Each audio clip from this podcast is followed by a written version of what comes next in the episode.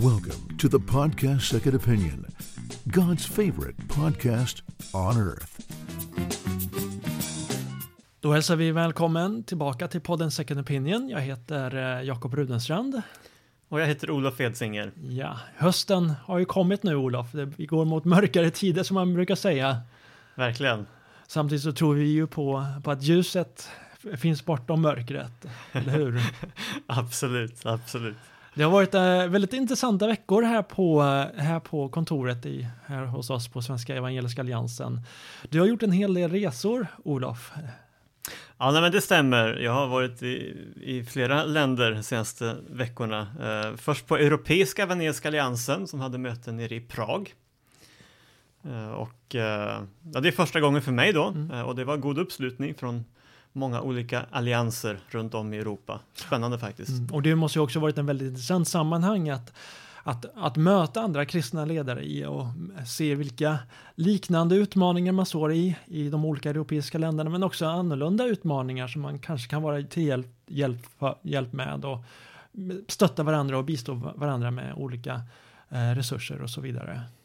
Ja men verkligen, det, det finns ju eh, precis både likheter och skillnader.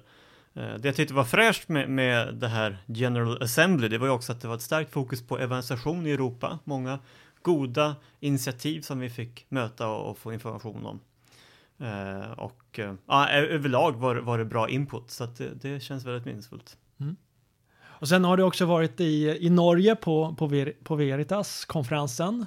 Ja men precis, vårt broderland. Eh, jag har ju haft mycket kontakt med Norge även tidigare, men nu har de en stor konferens som heter Veritas med, med fokus på apologetik. Och det var över ett halvt tusen deltagare faktiskt den helgen, så det, det är ett starkt movement kring det. Så det, det, var kul. Eh, vad pratade de om där? Eh, jag hade flera seminarier. Jag pratade dels om det här med normkritik. De är väldigt intresserade av det i Norge i och med att Sverige har eh, kommit mycket längre kan man säga i den frågan och queer ideologi. Men vi hade också om krigen i Gamla Testamentet som ju är ett av mina andra specialämnen. Mm. Vi, vi har ju precis nyligen släppt en, en serie filmer som Veritas hjälpte oss att spela in med dig och, och uh, utmaningar, utmanande texter i Gamla Testamentet och så vidare. Vi kommer ju släppa uh, ytterligare filmer så småningom också som tar upp frågor som rör krigen i Gamla Testamentet. Ja men precis, det är ju frågor som faktiskt i princip alla bibelläsare funderar på. Eh, och jag skrev ju en bok om det som kom på norska då också för några månader sedan. Eh, så att eh, det känns, känns fint med de filmerna och, och vi släppte ju nu allra först då tre filmer som är andra utmanande frågor egentligen i Gamla Testamentet. Så kolla gärna in dem om du har mm. missat dem. Mm. Eh, en ny bok på svenska har ju nyss kommit ut som tar, tar, tar fasta vid många av de här utmanande texterna eh, och försöker analysera det utifrån ett, ett feministiskt perspektiv.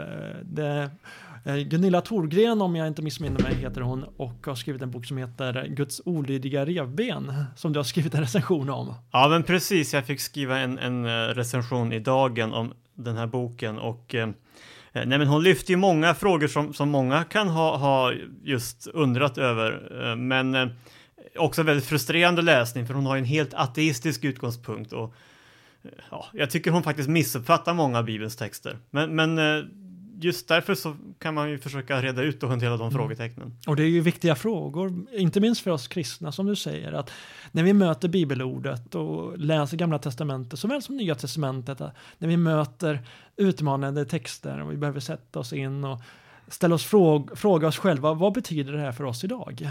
Ja men absolut, jag tänker också det här kulturella gapet är så påtagligt när vi läser gamla testamentet, att det är en annan tid, en annan kultur, andra förutsättningar och, och, vi läser ju ofta med glasögon av, av hur det fungerar då 2017 eh, och missar ibland kanske nyanser och, och drar lite fel slutsatser också. Mm. Eh, så att eh, det, det, behöver vi göra lite hemläxa kring helt enkelt, att faktiskt sätta oss in i den kulturen där och då. Mm. Och det är ju, kan man ju då tillägga någonting som Gunilla Thorgren själv är helt ointresserad av att göra. Hon, hon läser enbart med 2017 års glasögon.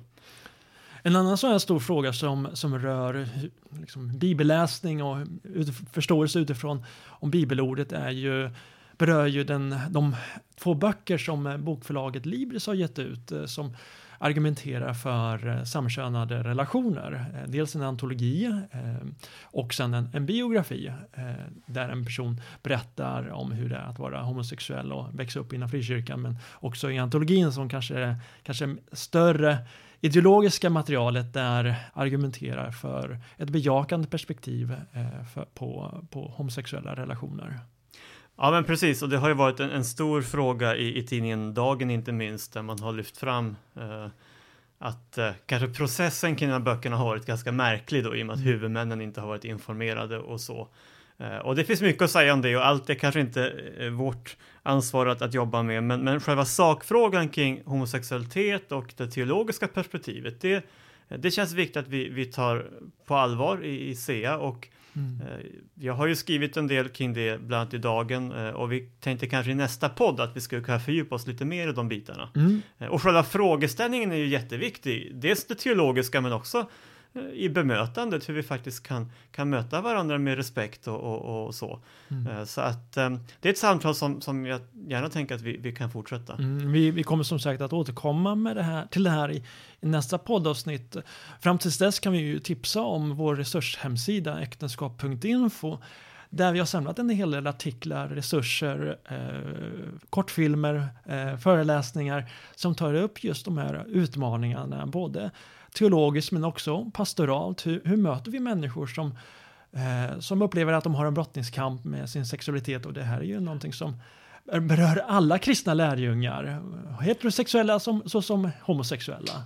Ja men det är ju verkligen så och jag, jag, tycker också i det samtal som har varit de senaste veckorna här att, att de frågor och, och utmaningar vi faktiskt tar upp på äktenskap.info de, de är fortsatt relevanta. Mm. Så, så i väntan på nästa podd så får ni gärna kolla in den hemsidan. Ja, precis. Um, nu ska vi tala om en annan stor fråga och då gäller det förföljelsen av kristna och då i synnerhet IS, Islamiska statens eh, folkmord på kristna minoriteter i Syrien och Irak. Och eh, vi gästas av Charlie Weimers som är statschef för eh, kristdemokraten Lars Adaktusson i Europaparlamentet. Och det, här, det här samtalet kommer vi göra på, eh, via Skype så vi hoppas att eh, allting kommer funka rent tekniskt sett. Eh, och det samtalet kommer alldeles strax. The Swedish Evangelical Alliance Christian faith out in the open. Välkommen till podden Second Opinion Charlie. Både du och Lars Adaktusson har ju engagerat dig väldigt mycket när det gäller frågan om förföljda kristna, inte minst i länder som Syrien och Irak. Vad var det som gjorde att ni eh, började arbeta med just det här? Det började på allvar eh, tidigt 2014. Eh, Lars och jag ehm, eh, var eniga om att eh, det saknades en tydlig röst för eh, förföljda kristna eh, i ehm, svensk politik. Eh, det hade gjorts försök eh, att lyfta frågan men eh, i det stora hela rådde en ganska kompakt eh, tystnad. Eh, och Lars publicerade då en debattartikel med, på temat att kristna är den mest religiö förföljda religiösa gruppen i världen.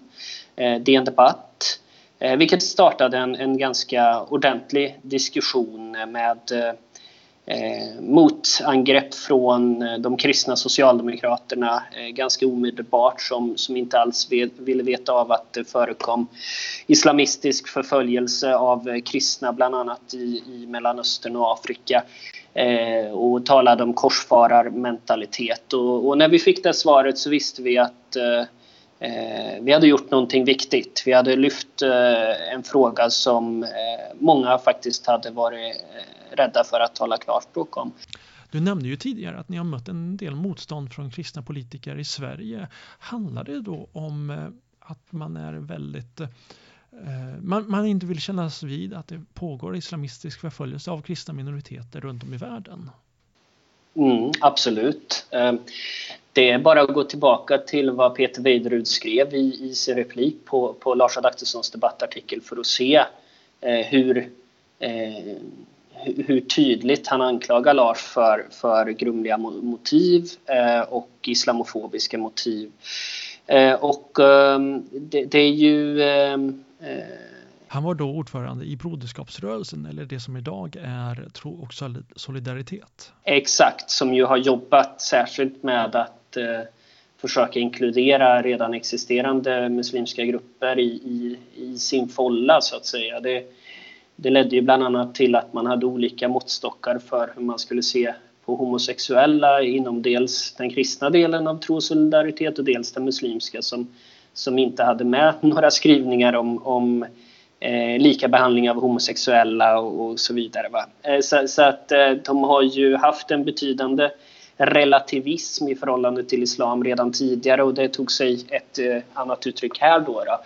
Eh, men eh, hela den rädslan för att, för att våga se situationen som den är att eh, kommunism och eh, eh, extrem islam är de två viktigaste faktorerna till förföljelse av kristna i världen. Det, det är ju, det är ju det är någonting som präglar en stor del av, av eh, eh, tänkesättet i, i västvärlden, inte bara hos kristna socialdemokrater. Det, det ehm, förekom även eh, under Alf Svenssons tid som Europaparlamentariker i Bryssel att eh, EUs ehm, höga representant för utrikesfrågor gick in och aktivt strök referenser till, till ehm, offrens kristna eh, tillhörighet, religionstillhörighet när eh, al-Qaida hade bombat en, en koptisk kyrka i Kairo. Eh, så, ehm, och det var bara tack vare att italienska och spanska regeringen protesterade vilt som den referensen återkom. Men man har försökt att tona ner detta. Titta på Barack Obama som, som eh, konsekvent eh, talade om eh, ehm, ja, extrema, våldsamma ideologier istället för att nämna eh, sakerna vid deras rätta namn. Därför att eh, om eh, inte eh, islam gör upp med dess mer negativa delar så kommer problemen att fortsätta. Och, eh, det, det räcker med att följa den arabiska debatten för att se att de är mycket mer långt framskridna i, i, i problembeskrivningen än, än vad vi är i västvärlden. Eh, Egyptens president al-Sisi säger själv att det krävs en, en revolution inom islam för att göra sig av med de eh, militanta eh, inslagen. Det har ju hänt väldigt mycket sedan ni började lyfta eh, förföljelsen av kristna. I Europa så har ju Europaparlamentet antagit en resolution om, om fredade zoner i Irak och Syrien. Eh, från USAs håll så har man börjat prata mer proaktivt om just förföljelsen och folkmord av kristna. Eh, bland annat så meddelade ju vicepresident Mike Pence helt nyligen om att man vill rikta om biståndet så att det går direkt till kristna hjälporganisationer och kyrkor som är på plats på, i områdena och inte via FN för att man märkt att det eh, har varit ett väldigt ineffektivt sätt att eh, hjälpa eh, de behövande i, i hjälplägren då de har utsatts för förföljelse och, och diskriminering och trakasserier av andra eh, boende i de här, eh, i de här lägren. Så man vill hjälpa dem mer direkt. Hur har, skulle du kunna berätta lite grann om, om vägen fram till den här situationen som vi har idag? Hur, hur har ert arbete gått tillväga?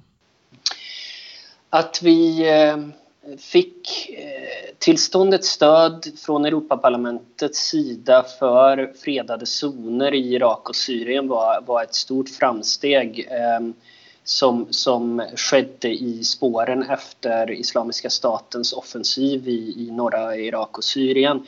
Där det, blev, där det blev uppenbart för alla och envar, även de som helst hade velat blunda, att eh, eh det förekommer grova brott mot mänskligheten, krigsbrott Eh, Eh, vi måste göra någonting. Och då, då kom vi med detta konkreta förslag som syftade till att eh, skydda utsatta minoriteter.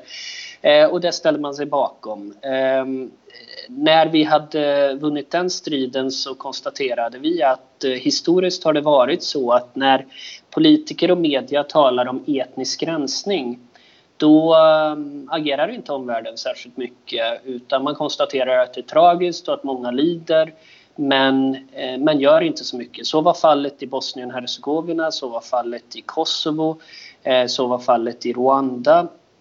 Eh, men i det läge eh, ja, låt mig också tillägga Sudan. Där eh, erkändes ju aldrig ett folkmord. Va?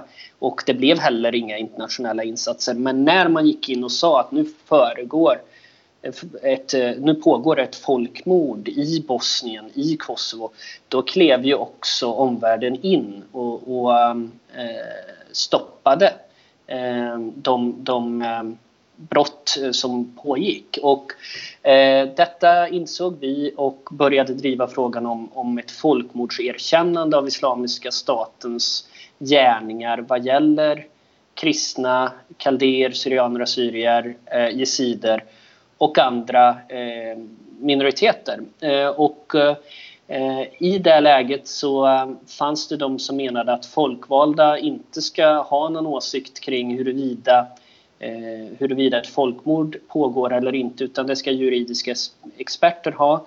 Vi menade att ehm, till syvende och sist så är det säkerhetsrådet som avgör om ett folkmord eh, pågår eller ej.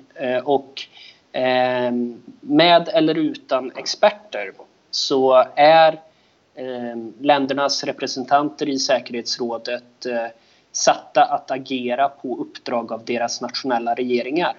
Eh, så eh, säkerhetsrådets beslut blir ju ändå ett politiskt beslut.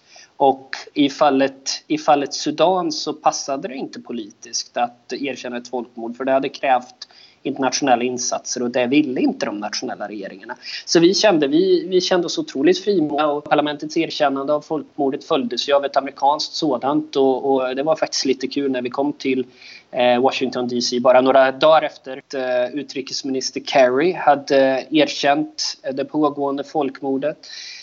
Och de sa på utrikesdepartementet till Lars att om du, om du hade fått en, en dollar för varje gång eh, Europaparlamentets folkmordserkännande nämndes eh, innan Kerry erkände folkmordet här i USA så hade du kunnat gå i pension idag. Då hade du varit en rik man. Eh, och, eh, och de använde även argumentet, våra vänner i USA som drev på för samma sak, använde argumentet gentemot de amerikanska beslutsfattarna att inte kan ni väl låta européerna gå före er i skyddet av mänskliga rättigheter och, och, och i skyddet av de här utsatta minoriteterna. Och det bet. Så att eh, det, det, visar att det går att göra skillnad och eh, det är klart att eh, nu när IS är eh, utdrivet och på väg att bli utdrivet ur Syrien, eh, utdrivet ur Irak, på väg att bli så i Syrien, så finns det, tror jag, en större medvetenhet om att omvärlden måste gå in och rikta insatser mot de utsatta minoriteterna, däribland kristna, än vad det hade gjort om vi inte hade bedrivit det här arbetet, vi och andra. I och med att ett flertal olika parlament röstade för ett erkännande av folkmordet mot kristna i Syrien och Irak så kom ju även frågan upp att om Sverige, den svenska riksdagen skulle rösta för ett erkännande eh, häromåret. Eh, vi på Evangeliska alliansen drog igång en kampanj där vi uppmanade människor att höra av sig till eh, riksdagsledamöterna att rösta för ett erkännande. Men nu blev det ju inte nu blev det ju ett majoritet som röstade emot ett erkännande. Vad, vad, vad tror du att hela det här eh, att det här, vad det här beror på, att man inte röstade för ett erkännande, vad det beror på? Mm. Ja, det, i slutändan var det ju Kristdemokraterna, Sverigedemokraterna och Folkpartiet som röstade för ett folkmordserkännande om, om eh, mitt minne inte sviker mig. Och eh, Eh, Eh, Moderaterna, Centerpartiet och Socialdemokraterna röstade emot. Eh, jag tror att en viktig orsak var att ehm, det några år tidigare hade varit en stor debatt eh, och en votering i riksdagen om huruvida ehm, riksdagen skulle erkänna folkmordet begångna av ehm, ungturkarna, regimen eh, den ottoman, under det Ottomanska rikets eh, eh, sista eh, dagar och år eh, mot eh, armenier, syrianer, assyrier, kaldéer. Det som kallas armeniska folkmordet och Seifo. Och då, då fanns det en diskussion om att politiker inte ska gå in och vara historiker utan detta måste historiker få, få avgöra. Eh, och eh, den positionen låste sig eh, den dåvarande alliansregeringen vid och det var ju egentligen bara tack vare att eh, den kristdemokratiska ledamoten Anneli Enoksson flög hem eh, från, i förtid från USA från en resa för att votera här tillsammans med den dåvarande rödgröna oppositionen och, och, och eh, ja, som det gick igenom. Eh, så när, eh, när frågan om Islamiska statens folkmord eh, kom upp så fanns det vissa partier som var låsta i de här gamla positionerna eh, och som inte ville ändra det och, och, som naturligtvis såg en risk för att det skulle komma upp liknande Eh, resonemang i framtiden som skulle bli problematiska om man nu ändrade sig. Eh, och ehm, Eh, det är eh, en, ett resonemang som jag eh, inte alls kan känna någon sympati för. Eh, jag tycker att pågår det ett folkmord så ska man inte vara rädd för att tvinga sig själv att agera. Det är vår moraliska skyldighet och Eh, om det eventuellt ställer till eh, politiska förvecklingar, förvecklingar i framtiden är underordnat det akuta behovet av att hjälpa en folkgrupp som håller på att gå under. Eh, och det fanns dessutom tydliga bevis för att Islamiska staten avsåg att eh, eh förgöra jesiderna och att eh, ehm, och att göra detsamma med kristna i Mellanöstern.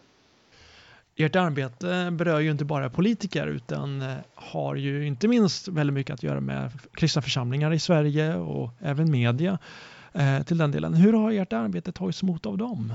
Mm. Um, jag ska säga att medialt så är det en utmaning att skapa intresse för den här frågan i så kallad mainstream media.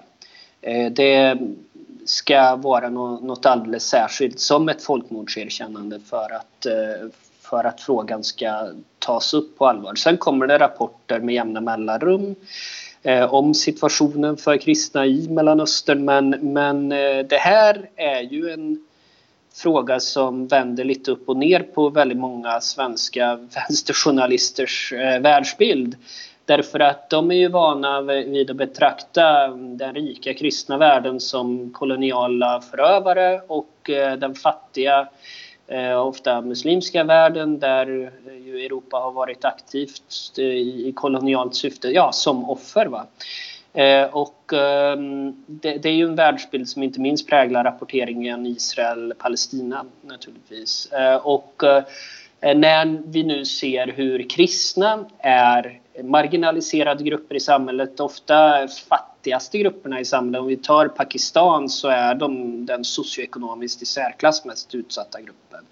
Eh, när, när vi ser dem å ena sidan, när vi ser då ehm, eh, muslim, majoritetsmuslimska stater som Eh, låter eh, mördare eh, slippa undan straff trots att de på öppen gata mm, har huggit ihjäl eller lynchat eller bränt kristna som, som i Pakistan.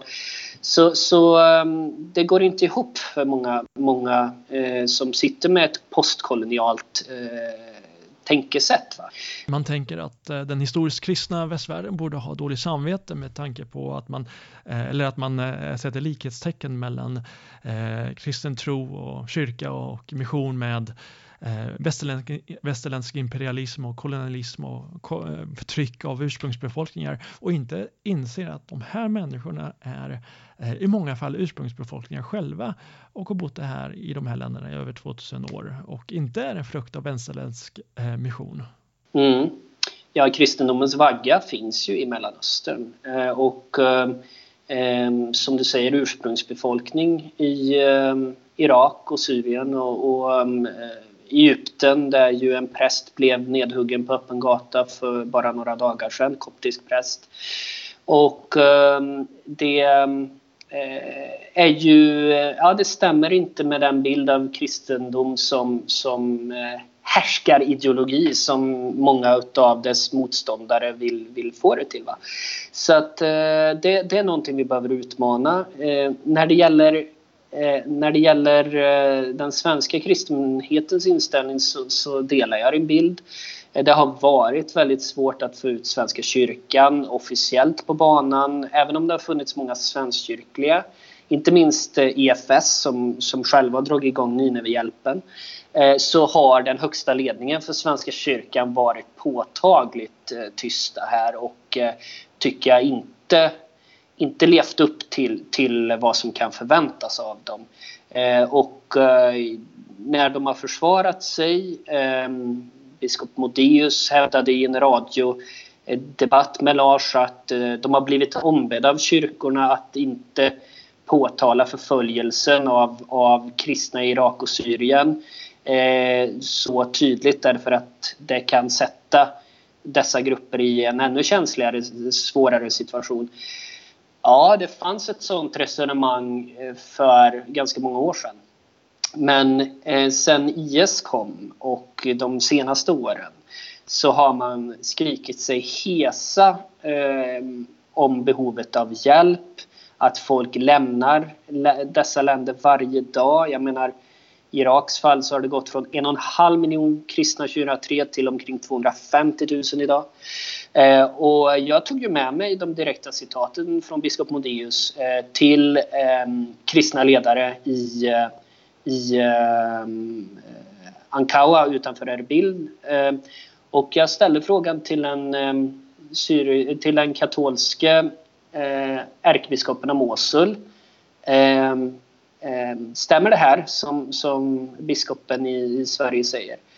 Eh, och eh, han, han tittade på sin medarbetare och sagt Vem påstår att vi har bett någon att vara tysta om hur vi lider? Har ni påstått det? Har någon påstått det? Han blev, han blev riktigt uppbragt över detta. Eh, och eh, hör ni inte när vi försöker skrika? Vad är det för något fel? Var, var svaret eh, jag fick. Va? Och eh, det visar att eh, Svenska kyrkan inte har gjort tillräckligt för att orientera sig kring behoven på plats. För det är nämligen så att det lider såklart andra grupper under IS också. Det, det ska man ha klart för sig. Sunnimuslimer som inte passar in i Islamiska statens definition av korrekt islamisk teologi förföljs. Shia-muslimer förföljs våldsamt eftersom de anses vara apostater. Ehm, men ehm, Shia-muslimer i Irak får hjälp från Iran. Sunnimuslimer får hjälp från bland annat Turkiet. Ehm, och det är ett samhälle som är ganska strikt sekteristiskt. Och det, det, är klart att vi inte ska gödsla den sekterismen.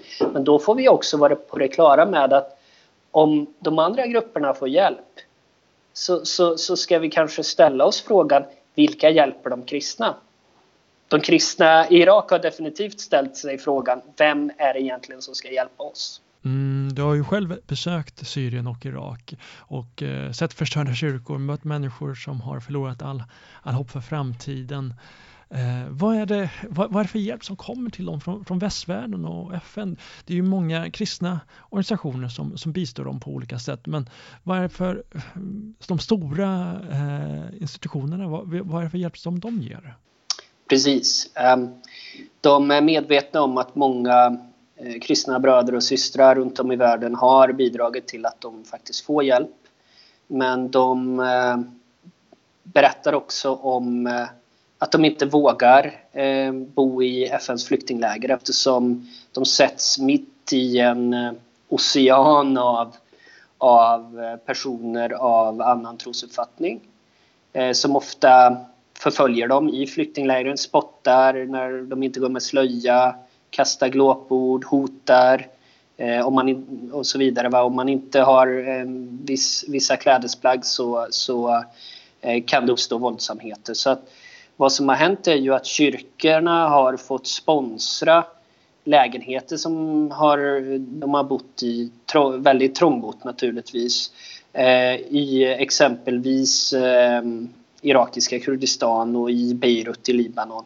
Eh, de vågar inte vara i FNs flyktingläger. Och FN har ju eh, principen, liksom EU alltjämt, att eh, vi, vi betraktar eh, hjälpbehovet på individuell basis. Vi gör inte skillnad på grund av tro.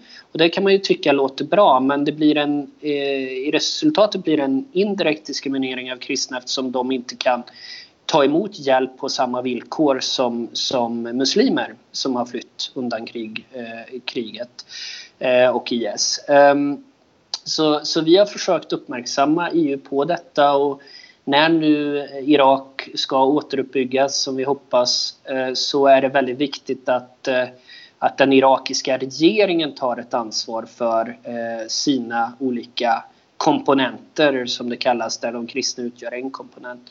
Så att, ehm, eh, så att de i den prioriteringslista de lägger fram till FN, som FN och EU förmodligen då kommer gå på, eh, med det perspektivet så att de kristna inte återigen glöms bort och, och blir indirekt eh, diskriminerade.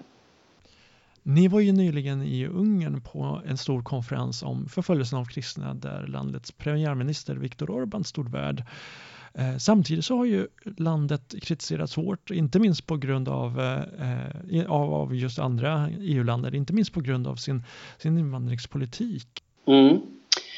Um, Ungern har ju en mer restriktiv invandringspolitik än Västeuropa uh, och uh, då menar Ungern att uh, um, de istället står för hjälp på plats och Eh, man ska vara medveten om att eh, just, just den diskussionen i förhållande till de kristna grupperna i Mellanöstern inte är helt enkel. Därför att å ena sidan finns det många människor som, som eh, har gett upp hoppet och redan lämnat. Som jag sa så har det gått från en och en halv miljon kristna till 250 000. Ehm, och det, det, det, finns personer som, som alltjämt hoppas att kunna återvända till sina hembyar på Nineveslätten. Och, eh, under vårt första besök i Irak så, så sa eh, en av kyrkoledarna där att eh, varför suger ni upp varenda en av mina församlingsmedlemmar? Varför gör ni IS jobb? Eh, och då talade han naturligtvis om utvandringen till Europa. Eh, och eh, det, det, gav eh, åtminstone mig en del att tänka på att här måste vi balansera viljan och, och hjälpa dem som verkligen inte har någon framtid i den här regionen. Eh, jag har träffat människor som har förföljts i tio år. Jag träffade en kille som förlorade sin mor i, i en, i en extremistattack. Det är klart att man, man känner att det, det, finns inget för just den familjen att återvända till. Samtidigt som då hjälp på plats faktiskt inte är ett fult ord eller fult begrepp.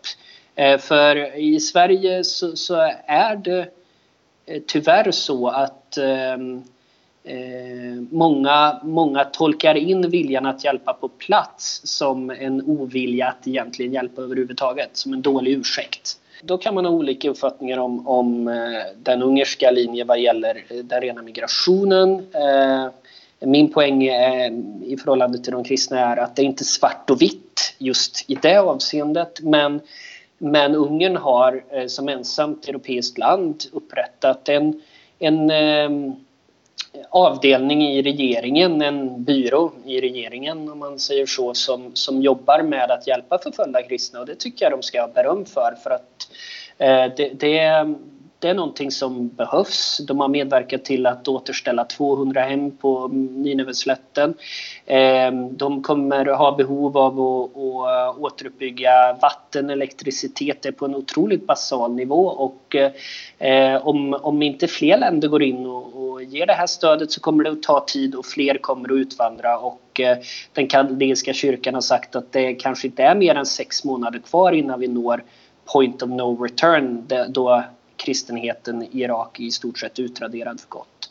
Eh, så, så ehm, den ungerska linjen, ehm, den, ehm, den är ju naturligtvis välkomnad av kyrkorna där nere. Eh, och de kan också komma att få med sig fler länder i Östeuropa, kanske nu Österrike som har fått en, en katol, förmodligen kommer få en katolsk eh, förbundskansler i Sebastian Kurz.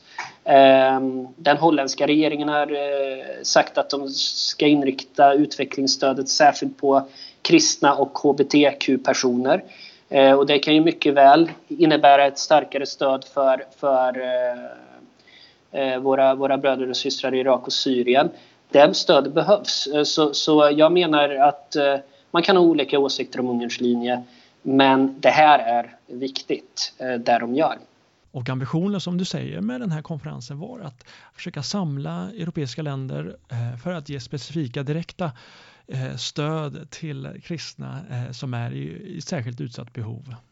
Ja, precis. Och, och, som, jag, som jag sa tidigare så det är klart man kan också har synpunkter på att de mm. så specifikt inriktar stödet till eh, kristna. Varför talar man inte om andra grupper? Men då ska man ha i bakhuvudet att det finns andra väldigt stora mäktiga aktörer, stater, Turkiet, Iran, som går in med riktat stöd till andra grupper. Så, så om inte vi från Europa gör någonting riktat mot de kristna så lär eh, ingen annan eh, heller göra det.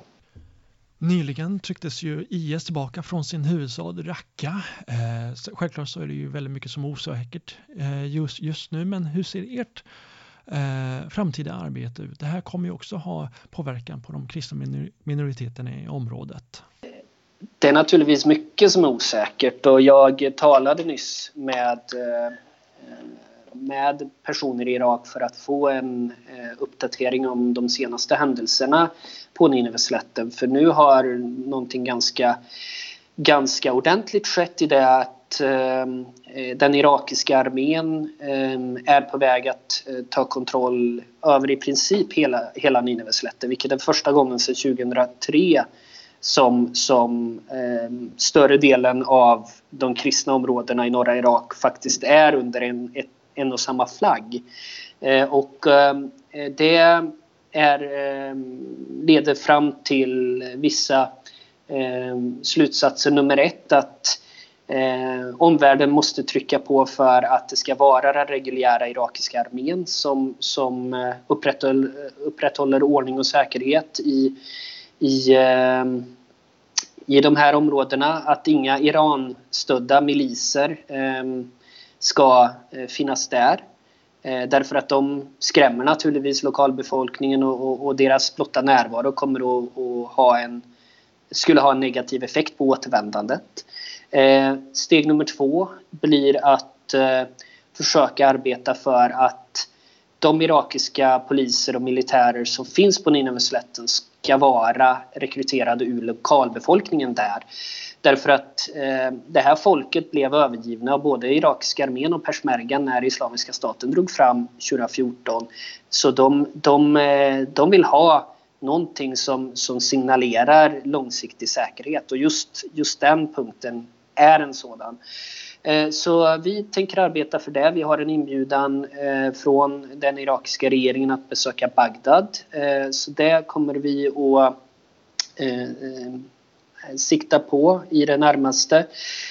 Och vi har ju i somras anordnat en konferens för kristna partier och frivilligorganisationer från norra Irak och där uttalade de att de vill se att irakiska regeringens ehm, beslut från 2014 att göra Nineveslätten till en egen provins förverkligas och att i förlängningen att det blir en region. För skulle det bli en region då får eh, lokala ledare själva bestämma över eh, de viktiga frågorna kring säkerhet eh, och trygghet som, som är av så monumental betydelse för att eh, Eh, fler ska våga återvända och se en framtid i området. Så det ligger på vår agenda och, och eh, sen försöker vi ju att eh, eh, orientera oss i, i eh, Syrien också naturligtvis men, men fokus ligger eh, just nu på Irak eftersom situationen är mest akut.